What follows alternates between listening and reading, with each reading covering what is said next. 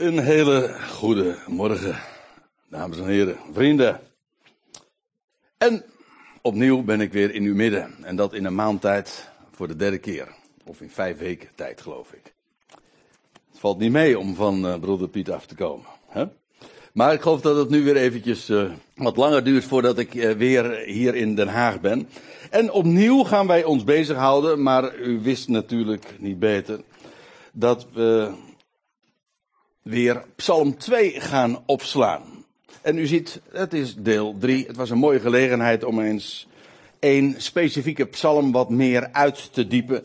Dat zich wat minder leent om dat in één keer te doen, want dan moet je te veel details eh, onbesproken laten en die ontglippen dan onze aandacht.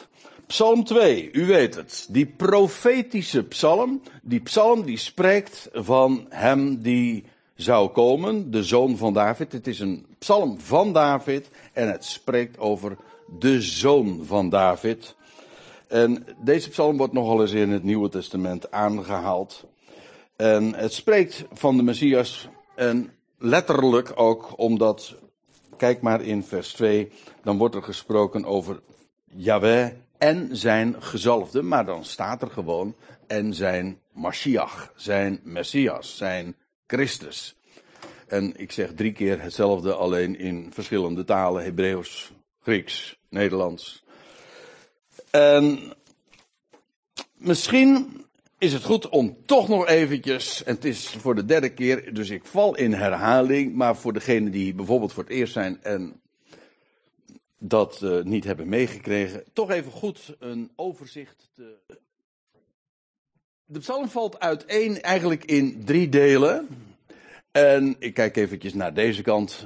Uh, de eerste drie versen, dat is een oproep van de natieën en dat is gericht tegen Yahweh en tegen zijn gezalfde. Vervolgens, uh, het, het van vers 4 tot en met vers 9, dat is Gods antwoord op dat wat de natieën zich hebben voorgenomen. En zij verzamelen zich. Het is echt een wereldwijd gebeuren. Nog steeds wacht dat in de toekomst. Het is een definitieve vervulling. Namelijk dat alle natieën zich verenigen zullen en naar Israël zullen optrekken.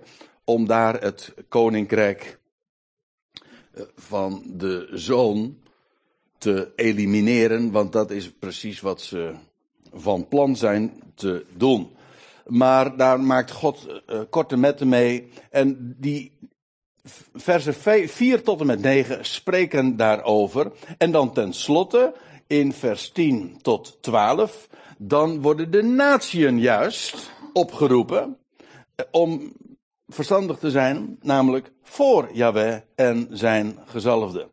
En ik ben blij dat jullie het allemaal al van tevoren met spandoeken en al hebben aangekondigd. Want ik kijk eens daar. Dat spandoek, dat is Psalm 2 vers 10. Namelijk, nu dan koningen, handel verstandig. Dat wordt tegen hen gezegd. Laat u onderwijzen, rechters van de aarde. Dus eh, mooi zoals jullie eh, dat hebben voorbereid. Hartelijk dank daarvoor, ja. De vorige keer, toen hebben we één vers eruit gelicht. En dat is eigenlijk het middelste vers, het centrum dus ook. De vorige keer, toen ging het over vers 7. Ja.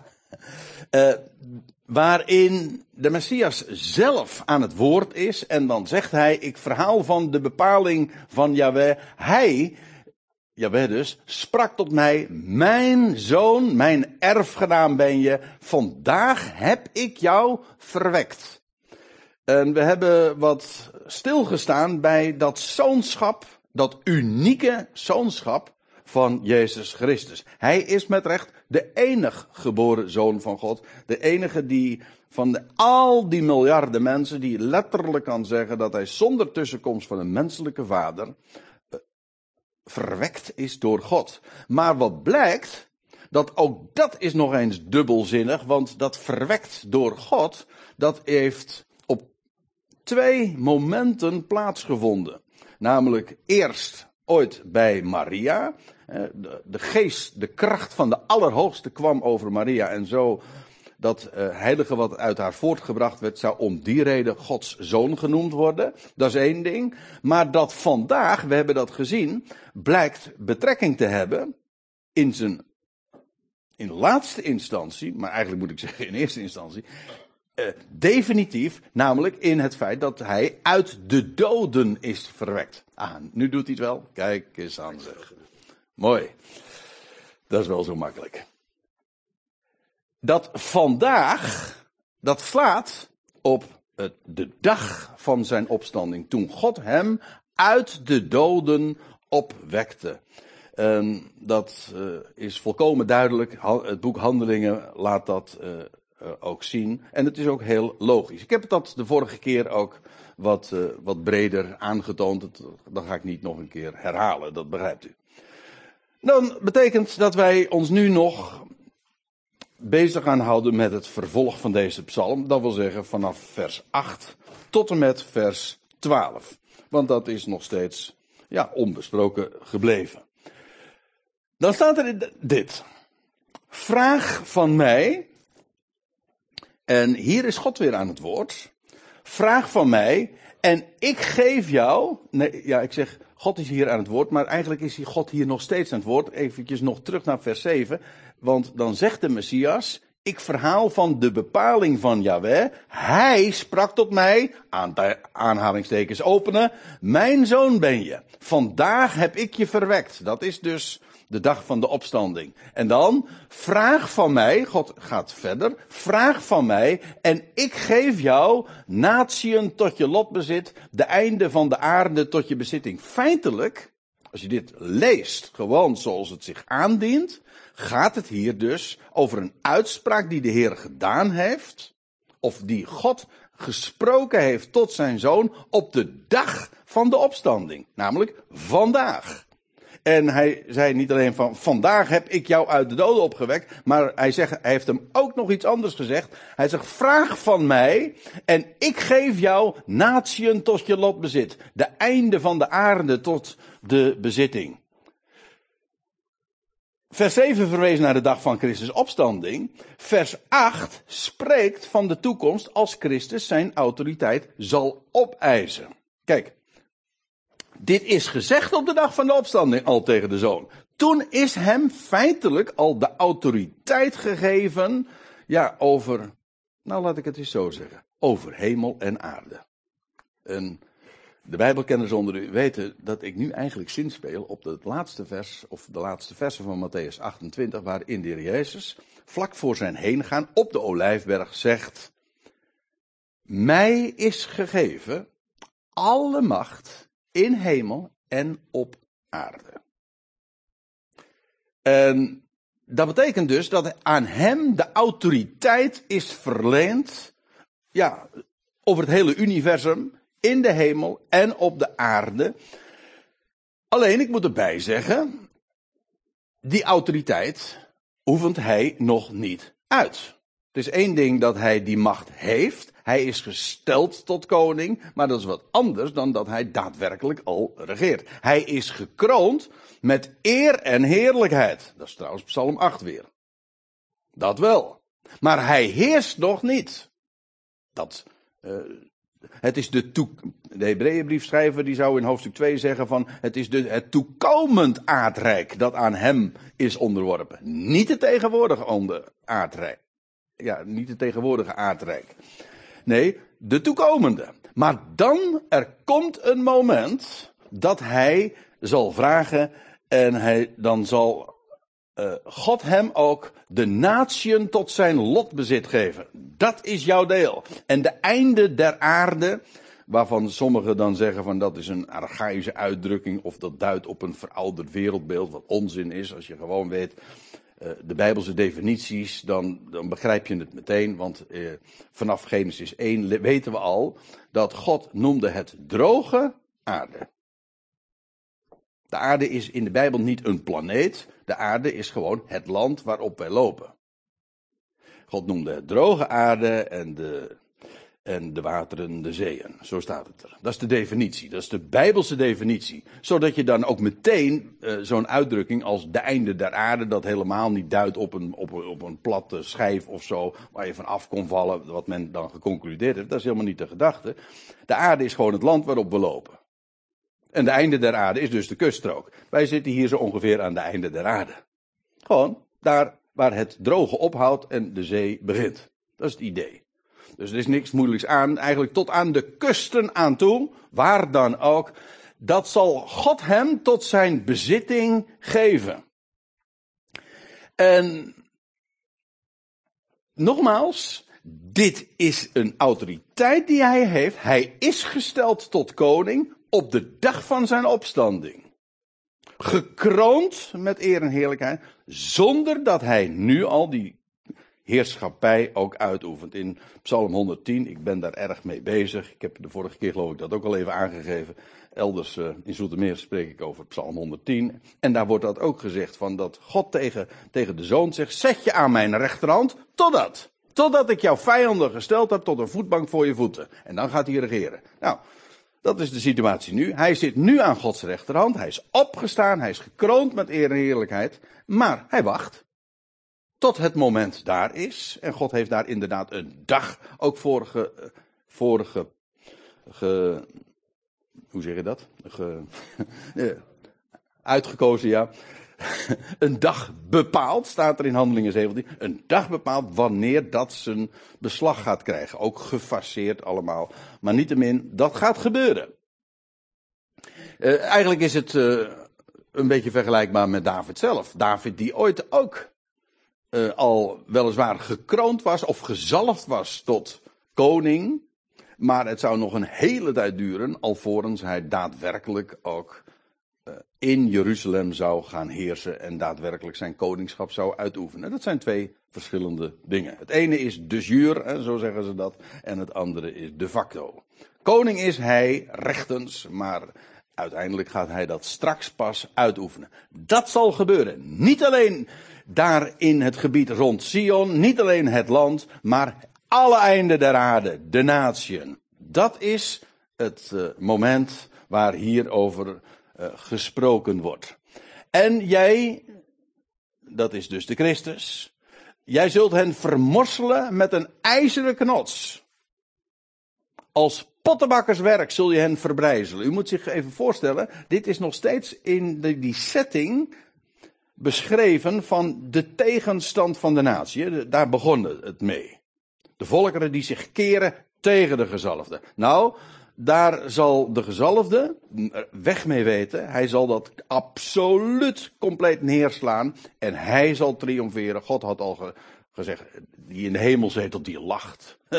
Want uh, de Heer spot met hen. Hij zegt, ik heb toch mijn koning gesteld in Zion. Wat, wat denken jullie wel? En dan, kan, kunnen de Verenigde Naties uh, hoog springen, laag springen. En dan kunnen ze alle legermachten en, uh, en het militaire apparaten in, in gang zetten. Maar uh, ja, daar lachen wij om. Ja, ik bedoel, wij lachen met God mee. En vandaar ook, je zult hen vermorselen met een ijzeren knots. En ik zou zeggen, Paulus zou zeggen, dat is beter geformuleerd. Hierin is een grote verborgenheid gelegen. En ik zeg dit met het oog op Christus en de Ecclesia. Ja, Paulus doet die uitspraak in Efeze 5 als hij een tekst in Genesis 2 leest over Adam en Eva. En dan zegt hij ja, dat één vlees zijn, dat staat daar. Maar feitelijk is het een verborgenheid. Een grote verborgenheid. En het spreekt dat één vlees, dat spreekt van Christus en de Ecclesia, de gemeente. En, en dat is hier ook het geval. Ik neem u even mee naar, naar openbaring 12. Dat is een riskant wat ik nu doe, want dit heeft uh, nogal een toelichting nodig. Maar ik ga het even kort doen. In openbaring 12 wordt in beeld iets neergezet van ja, wat wij dan noemen de eindtijd. En daar wordt een vrouw beschreven die een mannelijke zoon voortbrengt, zo wordt dat geformuleerd. En die vrouw dat is Israël. Ik zal dat straks ook uh, laten zien, uh, dat het heel logisch is. En maar die, die vrouw, die, die baart een zoon. En dat staat er in vers 5. En zij baarde een zoon, mannelijk. Wat wil zeggen, bestemd voor de heerschappij. Dat is eh, de Bijbelse gedachte. En dan staat erbij, die op het punt staat te hoeden al de natieën met een ijzeren knots. Hé, hey, maar dat is een directe referentie van Psalm 2. Hier wordt naar het boek van de Psalmen uh, verwezen. Uh, hij is het die op het punt staat te hoeden de, al de met een ijzeren knots. En dan staat erbij, en haar kind wordt weggerukt naar God en naar zijn troon. En je zou zeggen van nou, die mannelijke zoon, dat is heel simpel, dat is de Christus. Dat is ook zo. Maar ik moet erbij zeggen, dat is dan wel inclusief zijn ecclesia. Want er wordt, die mannelijke zoon, die wordt weggerukt. Dat gaat niet. Traditioneel zegt men, ja, dat gaat over de hemelvaart. Maar de hemelvaart was helemaal niet een wegrukking voor een plotseling gevaar, want dat is hier de context. Nee, hij wordt weggerukt naar God en zijn troon. En dan staat er nog bij, en de vrouw, uh, nadat dat gebeurd is, want ze, ze, wordt door die draak bedreigd, dat is de beschrijving. En de vrouw vluchtte in de woestijn, waar zij ook een plaats heeft, gereed gemaakt van Gods wegen, opdat, opdat zij haar daar zullen voeden, 1260 dagen. Kijk, en dat is die periode die zo vaak in de profetie dan tegen, we tegenkomen, namelijk die drieënhalf jaar waarin een grote verdrukking zal zijn, maar daar waar het volk Israël gevlucht zal zijn, althans een deel daarvan, en een plek in de woestijn heeft, van Gods wegen bewaard. En ik denk eerlijk gezegd dat dat Petra zal zijn, daar in de woestijn van Edom, daar tussen Eilat en de Dode Zee. Maar goed, daar ligt al een, een, een stad eigenlijk helemaal klaar. En, en daar zal die vrouw een veilig heenkomen vinden. Nadat dus die mannelijke zoon wordt weggerukt, vindt die vrouw, uh, vlucht ze naar de woestijn en daar wordt ze 1260 dagen uh, beschermd en heeft ze daar een onderduikadres in de woestijn. En daar wordt ze ook uh, van Gods wegen gevoed. Zoals Israël ooit in de woestijn ook gevoed werd van Gods wegen en kregen ze zelfs gewoon voeding vanuit de hemel. Ja, manna. Waarom zeg ik dit? Omdat hier sprake is dat voordat die vrouw vlucht naar de woestijn, over de grote verdrukking die straks over Israël zal komen, zal die mannelijke zoon worden weggerukt tot God en zijn troon. En ik geloof, maar ik weet dat ik daarmee natuurlijk wel uh, wat aanraak.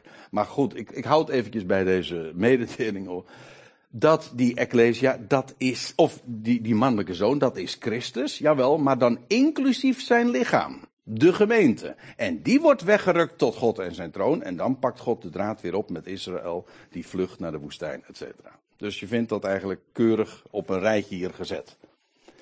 Ik wil eigenlijk dit zeggen, die mannelijke zoon die in Psalm 2 genoemd wordt, dat is niet alleen maar Jezus Christus, nee, het is Christus, het hoofd, inclusief, oh, inclusief uh, dat lichaam. Ja, dat, uh, daar kun je last van hebben, van dat lichaam.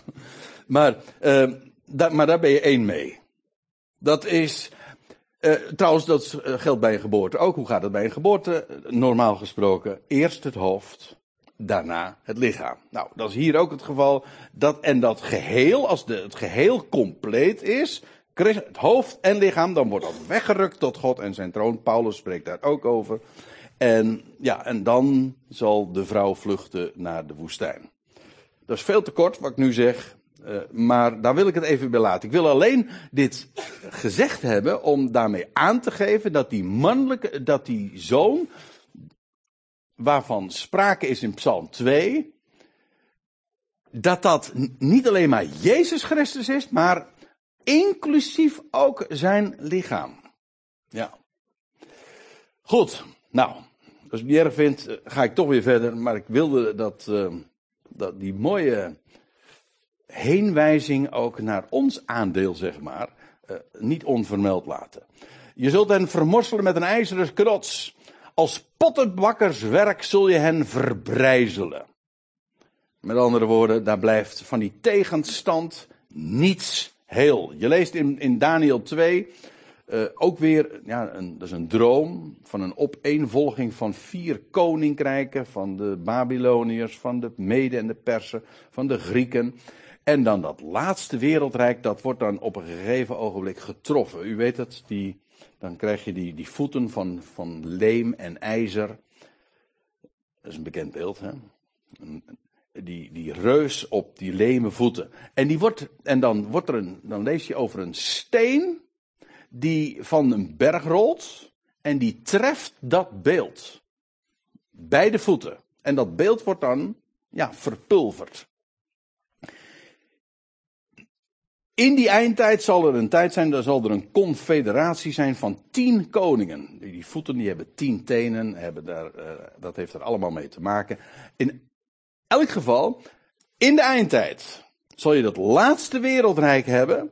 En in de dagen van die koningen zal de God van de hemel een koninkrijk oprichten dat tot in de Ionen niet te gronden zal gaan en waarvan de heerschappij op geen ander volk meer zal overgaan. Het zal al die koninkrijken verbrijzelen en daaraan een einde maken, maar zelf zal het bestaan tot in de Ionen. Met andere woorden, er zijn allemaal wereldrijken geweest met Babel als hoofdstad. De laatste komt nog. En, maar die moet allemaal het veld ruimen. Hoe machtig die rijken ook zijn geweest. Het, zijn, het, waren, het gaat hier allemaal over wereldrijken. Jawel, maar ze moeten uh, het veld ruimen. Ze verdwijnen. Namelijk op het moment dat God een koninkrijk gaat oprichten. En dat geeft hij aan zijn volk Israël. En feitelijk is het zo dat het laatste wereldrijk, definitieve, dat in de, weer, de, in de zal blijven bestaan, is een Israëlitisch wereldrijk. Niet de Babyloniërs, niet de Meden, niet de Persen, niet de Grieken. Nee, het zal gegeven worden aan Israël. Aan dat volk waarvan de heerschappij op geen, geen ander volk meer zal overgaan. Dat betekent dus dat het laatste wereldrijk een Israëlitisch wereldrijk zal zijn. Logisch, dus ook met Zion, Jeruzalem, als hoofdstad. En het zal, en daarom heb ik het ook uh, hier nu even vermeld, het zal al die koninkrijken verbrijzelen. Alle gedachtenis daaraan wordt een einde gemaakt. Verbrijzelen en daar een einde aan maken, maar zelf zal het bestaan tot in de Ionen. Niet alleen de duizend jaren die nog gaan komen, het millennium, maar ook dan daarna nog zodat dat heel concreet allemaal in de schrift zijn, ja, zijn vervulling krijgt. Dus daar moet je heel reëel over denken. Dat is maar niet uh, wazig. Nee, het is heel concreet zoals de schrift daarover spreekt. Zoals heel de schrift daar uh, weliswaar soms in beeldtaal, in symboliek over spreekt. Maar niettemin, het is heel concreet. En nu, en dat is de vers 10 die u daar dus ook in, uh, in het raam ziet hangen. Op de op dat spandoek zeg maar. En nu koningen, wees verstandig. Richters van de aarde, jullie die recht spreken, eh, het gerechtshof of wie daar ook maar uh, wordt aangesproken. Richters van de aarde, laat je gezeggen. Gebruik je verstand. Met andere woorden, wees intelligent. En nou, niet alleen maar kies eieren voor je geld maar wees reëel. Jullie opstand houdt geen stand. Ja, leuk hè? Jullie, die revolutie die jullie ontketenen om dat koninkrijk uh, ten einde te brengen, gaat niet lukken. Integendeel, want God heeft dit bepaald. Daarom gebruik je verstand. Zo zal het gaan. God heeft dit zo bepaald. Wees verstandig richters van de aarde, laat je gezeggen. Dient Yahweh in vrezen en jubelt uitbundig in ziddering. Ik vind het een mooie en ook wel opmerkelijke combi. Dat aan de ene kant dat vrezen en ziddering, dat heeft te maken met ja, dat diepe ontzag er is. Hier is maar niet zomaar iemand aan het woord die macht claimt. Ik bedoel, schepselen en mensen genoeg en volkeren genoeg.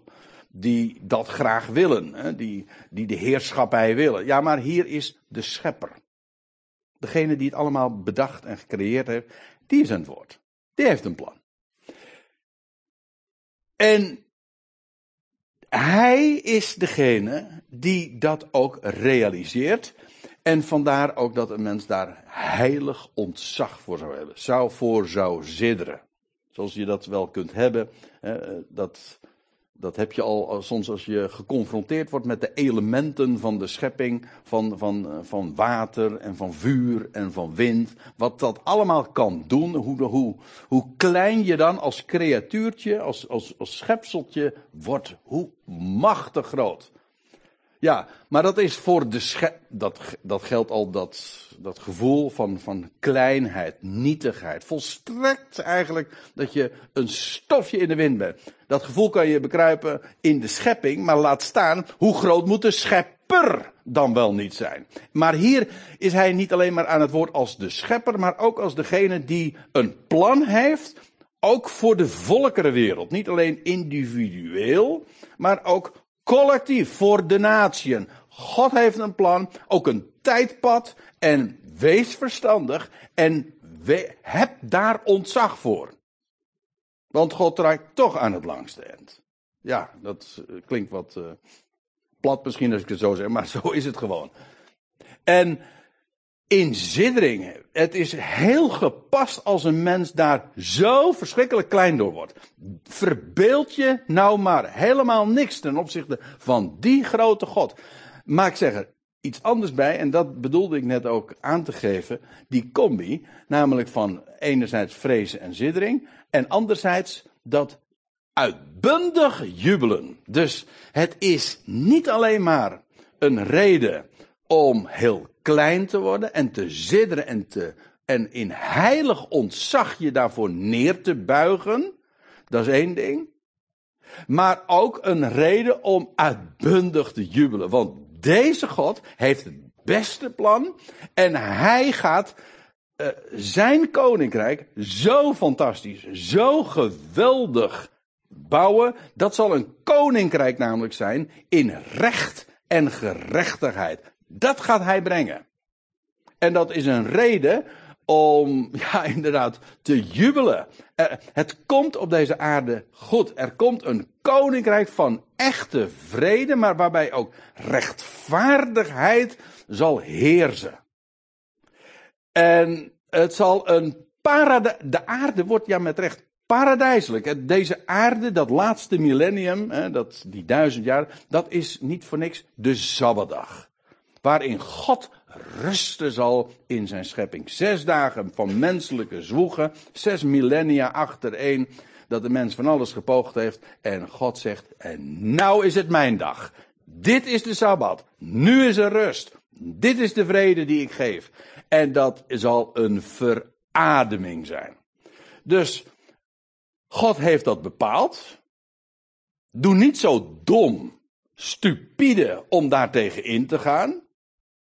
Maar het is tegelijkertijd zoiets om naar uit te kijken. En als het eenmaal zal aanbreken, om uitbundig te jubelen. Reken maar dat dat gevierd gaat worden.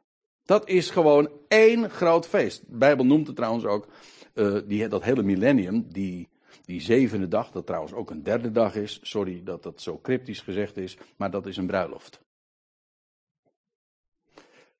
Een bruiloftsfeest. Waarin water in wijn verandert, bijvoorbeeld. Hè. Dat, nou ja, denk er maar eens over na. Uh, jubelt uitbundig in Siddering. In Psalm 99 wordt dat ook zo mooi pracht, ja, echt mooi beschreven. Uh, daar staat dit. Dus trouwens, uh, die psalmen, 96, 97, 98, 99, wordt dat koninkrijk inderdaad ook ja, bejubeld. En dat gaat komen. En ik, ik vind het geweldig om nu uh, aan het einde van, uh, nou, zes millennia, want dat is het dan ongeveer wel. Om dan je te realiseren, ja, dat gaat dus gebeuren. Dit gaat nu aanbreken. De tijd is nabij.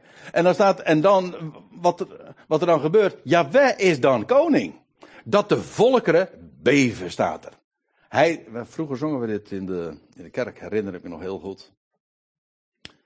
Ik, zal, ik zal het maar niet. Ik kan het zo in de berijming uh, uh, nazingen. Ik zal het maar niet doen. Kijk. Kijk, zo zou ik het nog weer niet uh, de tekst daarvan kunnen opnoemen. Maar u hoort het, Rijt, die bevestigt het. Dat de volkeren beven, hij troont op de gerubs, dat wil zeggen op dat verzoendeksel van de ark, de aarde zidderen. Zie je ook hier weer dat die, dat enorm ontzag voor God. Hij is niet ons vriendje, hij is de God. En wij zijn klei in de hand van de pottenbakker. Ja, dat was, dat was ook de vergelijking, hè. Hij zal een stuk slaan als pottenbakkerleem. Nou, dat is wat we zijn. Gewoon dat als creatuur. Mooi is trouwens uh, daarbij ook dat hij uh, van pottenbakkerswerk, uh, dat hij dat ook weer gewoon recycelt en dat daar iets nieuws van maakt. Wordt in de Bijbel ook beschreven. Dat als een vat ten oneer, dan maakt hij van datzelfde vat een vat ter ere. Kijk, bij God gaat er nooit iets mis. God, hij is wel een pottenbakker, maar hij maakt er geen potje van. Hij is een creator en hij is met recht creatief. Een kunstenaar, een bouwmeester en een kunstenaar. En uh, staat er in Psalm 99, vers 2 dan, is groot. In Sion. Ziet u weer? Altijd wordt naar die stad verwezen. Heel letterlijk, heel concreet. Hij is verheven boven alle volkeren. Ja, vandaar ook dat hij dan in dat verband ook altijd de Allerhoogste genoemd wordt. Een triomfator dat uw grote en geduchte naam, uh, dat zij uw grote en geduchte naam loven. Want heilig, dat wil zeggen volstrekt uniek en apart gezet, is hij. Met niets en niemand te vergelijken. Met recht een geduchte naam. En een mens heeft daarvoor te duchten. Ik bedoel, God is vandaag nog steeds verborgen. En hij laat met zijn spotten en er gebeurt helemaal niks. Nee, dat is ook karakteristiek voor deze tijd van verborgenheid zodat je God, uh, zelfs weg kan uh, redeneren. Maar die tijd is bijna ten einde. Dat, dan, is er, dan zijn er geen atheïsten meer, kan ik u nu al verzekeren. Want dan wordt God openbaar. En dan, ja, dan treedt er een hele andere, nieuwe situatie op. En dan wordt dit allemaal werkelijkheid. Kust de zoon, staat er dan opdat hij niet zal toornen en jullie onderweg vergaan. Nog steeds die context van die opstand en de, nu de oproep aan de natieën. En dan kust de zoon. Dat is een opmerkelijke uitspraak. Er zit uh, vertaaltechnisch nog wat, uh, wat haken en ogen aan, maar ik zal u daar niet mee vermoeien. Maar het idee is eigenlijk. Bij ons, dat is wel leuk, ik weet niet of u zich daar, dat wel eens gerealiseerd hebt, maar ons woord verzoenen heeft ook alles te maken met eh, een zoen. Verzoenen wil zeggen, je geeft elkaar weer een kus. En de vijandschap is dan over en dat is, dan is er dus opnieuw weer sprake van, van vrede, van vriendschap. Kust de zoon, verzoen je met de zoon. Dat ah, geef je vijandschap nou op, wees verstandig, kust hem. Want de zoon is de erfgenaam aan God. Eh, God geeft het allemaal aan hem. Kus de zoon. Verzoen je met hem. Dat is eigenlijk ook, uh, ook heel nieuw testamentisch taalgebruik, als ik het zo formuleer. Opdat hij niet zal toornen, dat wil zeggen, weet ook wat het uh, teweeg brengt als je dat niet doet, en jullie onderweg vergaan. Want ja, dat is de situatie in die aion. Want uh, spoedig zal zijn, to zijn toren doen verteren. Ik, moet er iets uh, bij zeggen, want ik ben het niet eens met de MBG-weergave, die een heel verkeerde indruk wekt. In de MBG staat, zeer licht ontbrandt zijn toren. Maar dat is niet wat er staat, alsof God licht ontvlambaar is of zo. Nee, het idee is, hier wordt gezegd, verzoen je nou met hem, kust de zoon. Hier worden de natieën en de, hun leiders, hun koningen, de richters uh, aangesproken en zeggen: onderwerp je nou aan hem, want met, als je dat niet doet, dan is het spoedig inderdaad uh, voorbij. Niet omdat God licht ontvlambaar is, nee, de situatie is dan, God heeft gewoon dit bepaald. En nu wordt er aangekondigd, spoedig zal zijn toorn doen verteren. Dat wil zeggen, dan is het inderdaad voorbij. Dan is de termijn uh, voor jullie voorbij. Het idee is niet dat God licht onvlandbaar is. Het idee is, God heeft een dag bepaald. Dan is mijn koninkrijk gevestigd. En houd daar nou rekening mee, want spoedig is dit gerealiseerd. Dat is de gedachte. En dan eindigt de psalm met een, ja, een zalige spreking, zoals dat dan deftig heet. Maar eigenlijk gewoon, ja, zalig betekent gelukkig. Gelukkig allen die toevlucht nemen bij hem. In de MBG-verstaling staat alle, welzalig allen die bij hem schuilen. Maar schuilen, dat is inderdaad ook, want het, het Hebreeuwse woord wat hier gebruikt wordt, dat is uh, vluchten naar een plaats waar je veilig bent. En ik heb u al eigenlijk zojuist even aan de hand van openbaring 12 even nog uh, wat verteld over wat er straks ook met Israël gaat gebeuren. Die letterlijk van Gods wegen een onderduikadres is gegeven. En God heeft die plaats al helemaal gereserveerd. En daar gaat zijn volk straks een veilig onderkomen. Dat is dus ook heel letterlijk. Een plaats waar, waar, waar zij kunnen schuilen. Bij de rots. Want Petra betekent eigenlijk gewoon rots. Ja. Sela. Dat kom je in de psalm ook heel vaak tegen. Dat is de Hebreeuwse versie dan weer. En nou ja, eh, een paar, een paar voorbeelden. Psalm 91 gaat trouwens ook weer over die periode. En dan staat er met zijn vlerk, hè, wordt over God gesproken in, uh, als, als, een, als een hen. Uh, met zijn vlerken beschermt hij u en onder zijn vleugelen vindt u een toevlucht. En zijn trouw is een schild en een panzer. Letterlijk zal dat zo ook zijn als, als dat volk van Israël straks in die grote verdrukking daar een veilig onderkomen heeft gevonden. En dan zullen ze volstrekt veilig zijn tegen alle aanvallen die uh, op hen worden gericht. Alle pijlen die zullen worden gericht op hen. Ze vinden bij hem een toevlucht. Zijn trouw is een schild en een panzer. Daar ben je absoluut veilig bij. Psalm 118. Ook een mooie. Dus, uh, kijk, je kunt zeggen, zo'n waarheid heeft een hele concrete betekenis in een specifieke periode. Dat, dat mensen kunnen vluchten, dat het volk Israël zal vluchten naar de woestijnen. Dat is waar, maar in het algemeen geldt voor ons allemaal. Het is beter bij Yahweh te schuilen dan op mensen te vertrouwen. Ook beter in de zin van veel verstandiger.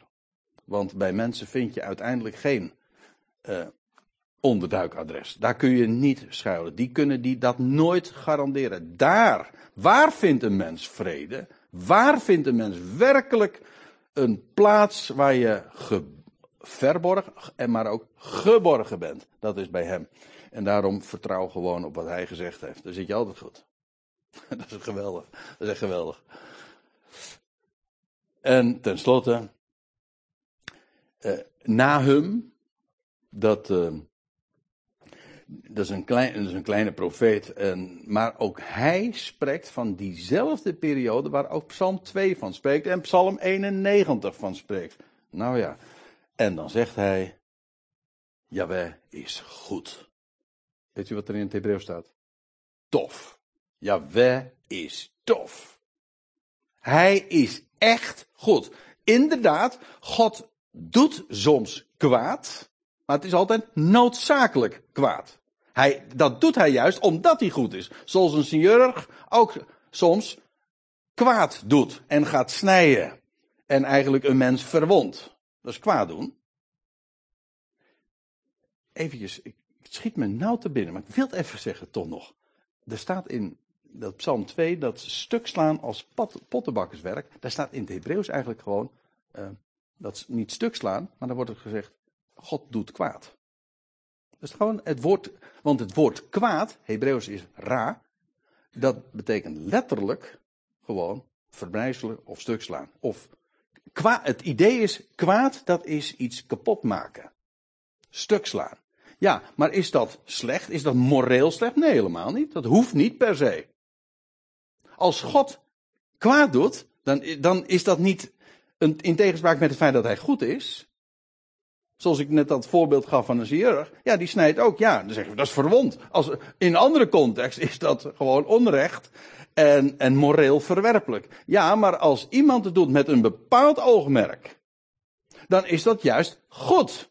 Het beste wat je kunt doen.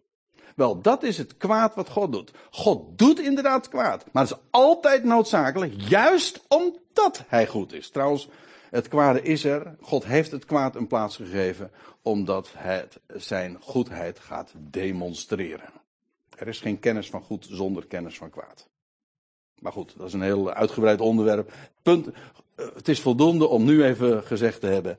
Jaweh is goed. Een sterkte ten dagen van benauwdheid. Nou, die gaat straks nog komen. De dag van benauwdheid voor Jacob. En hij kent hen die bij hem schuilen.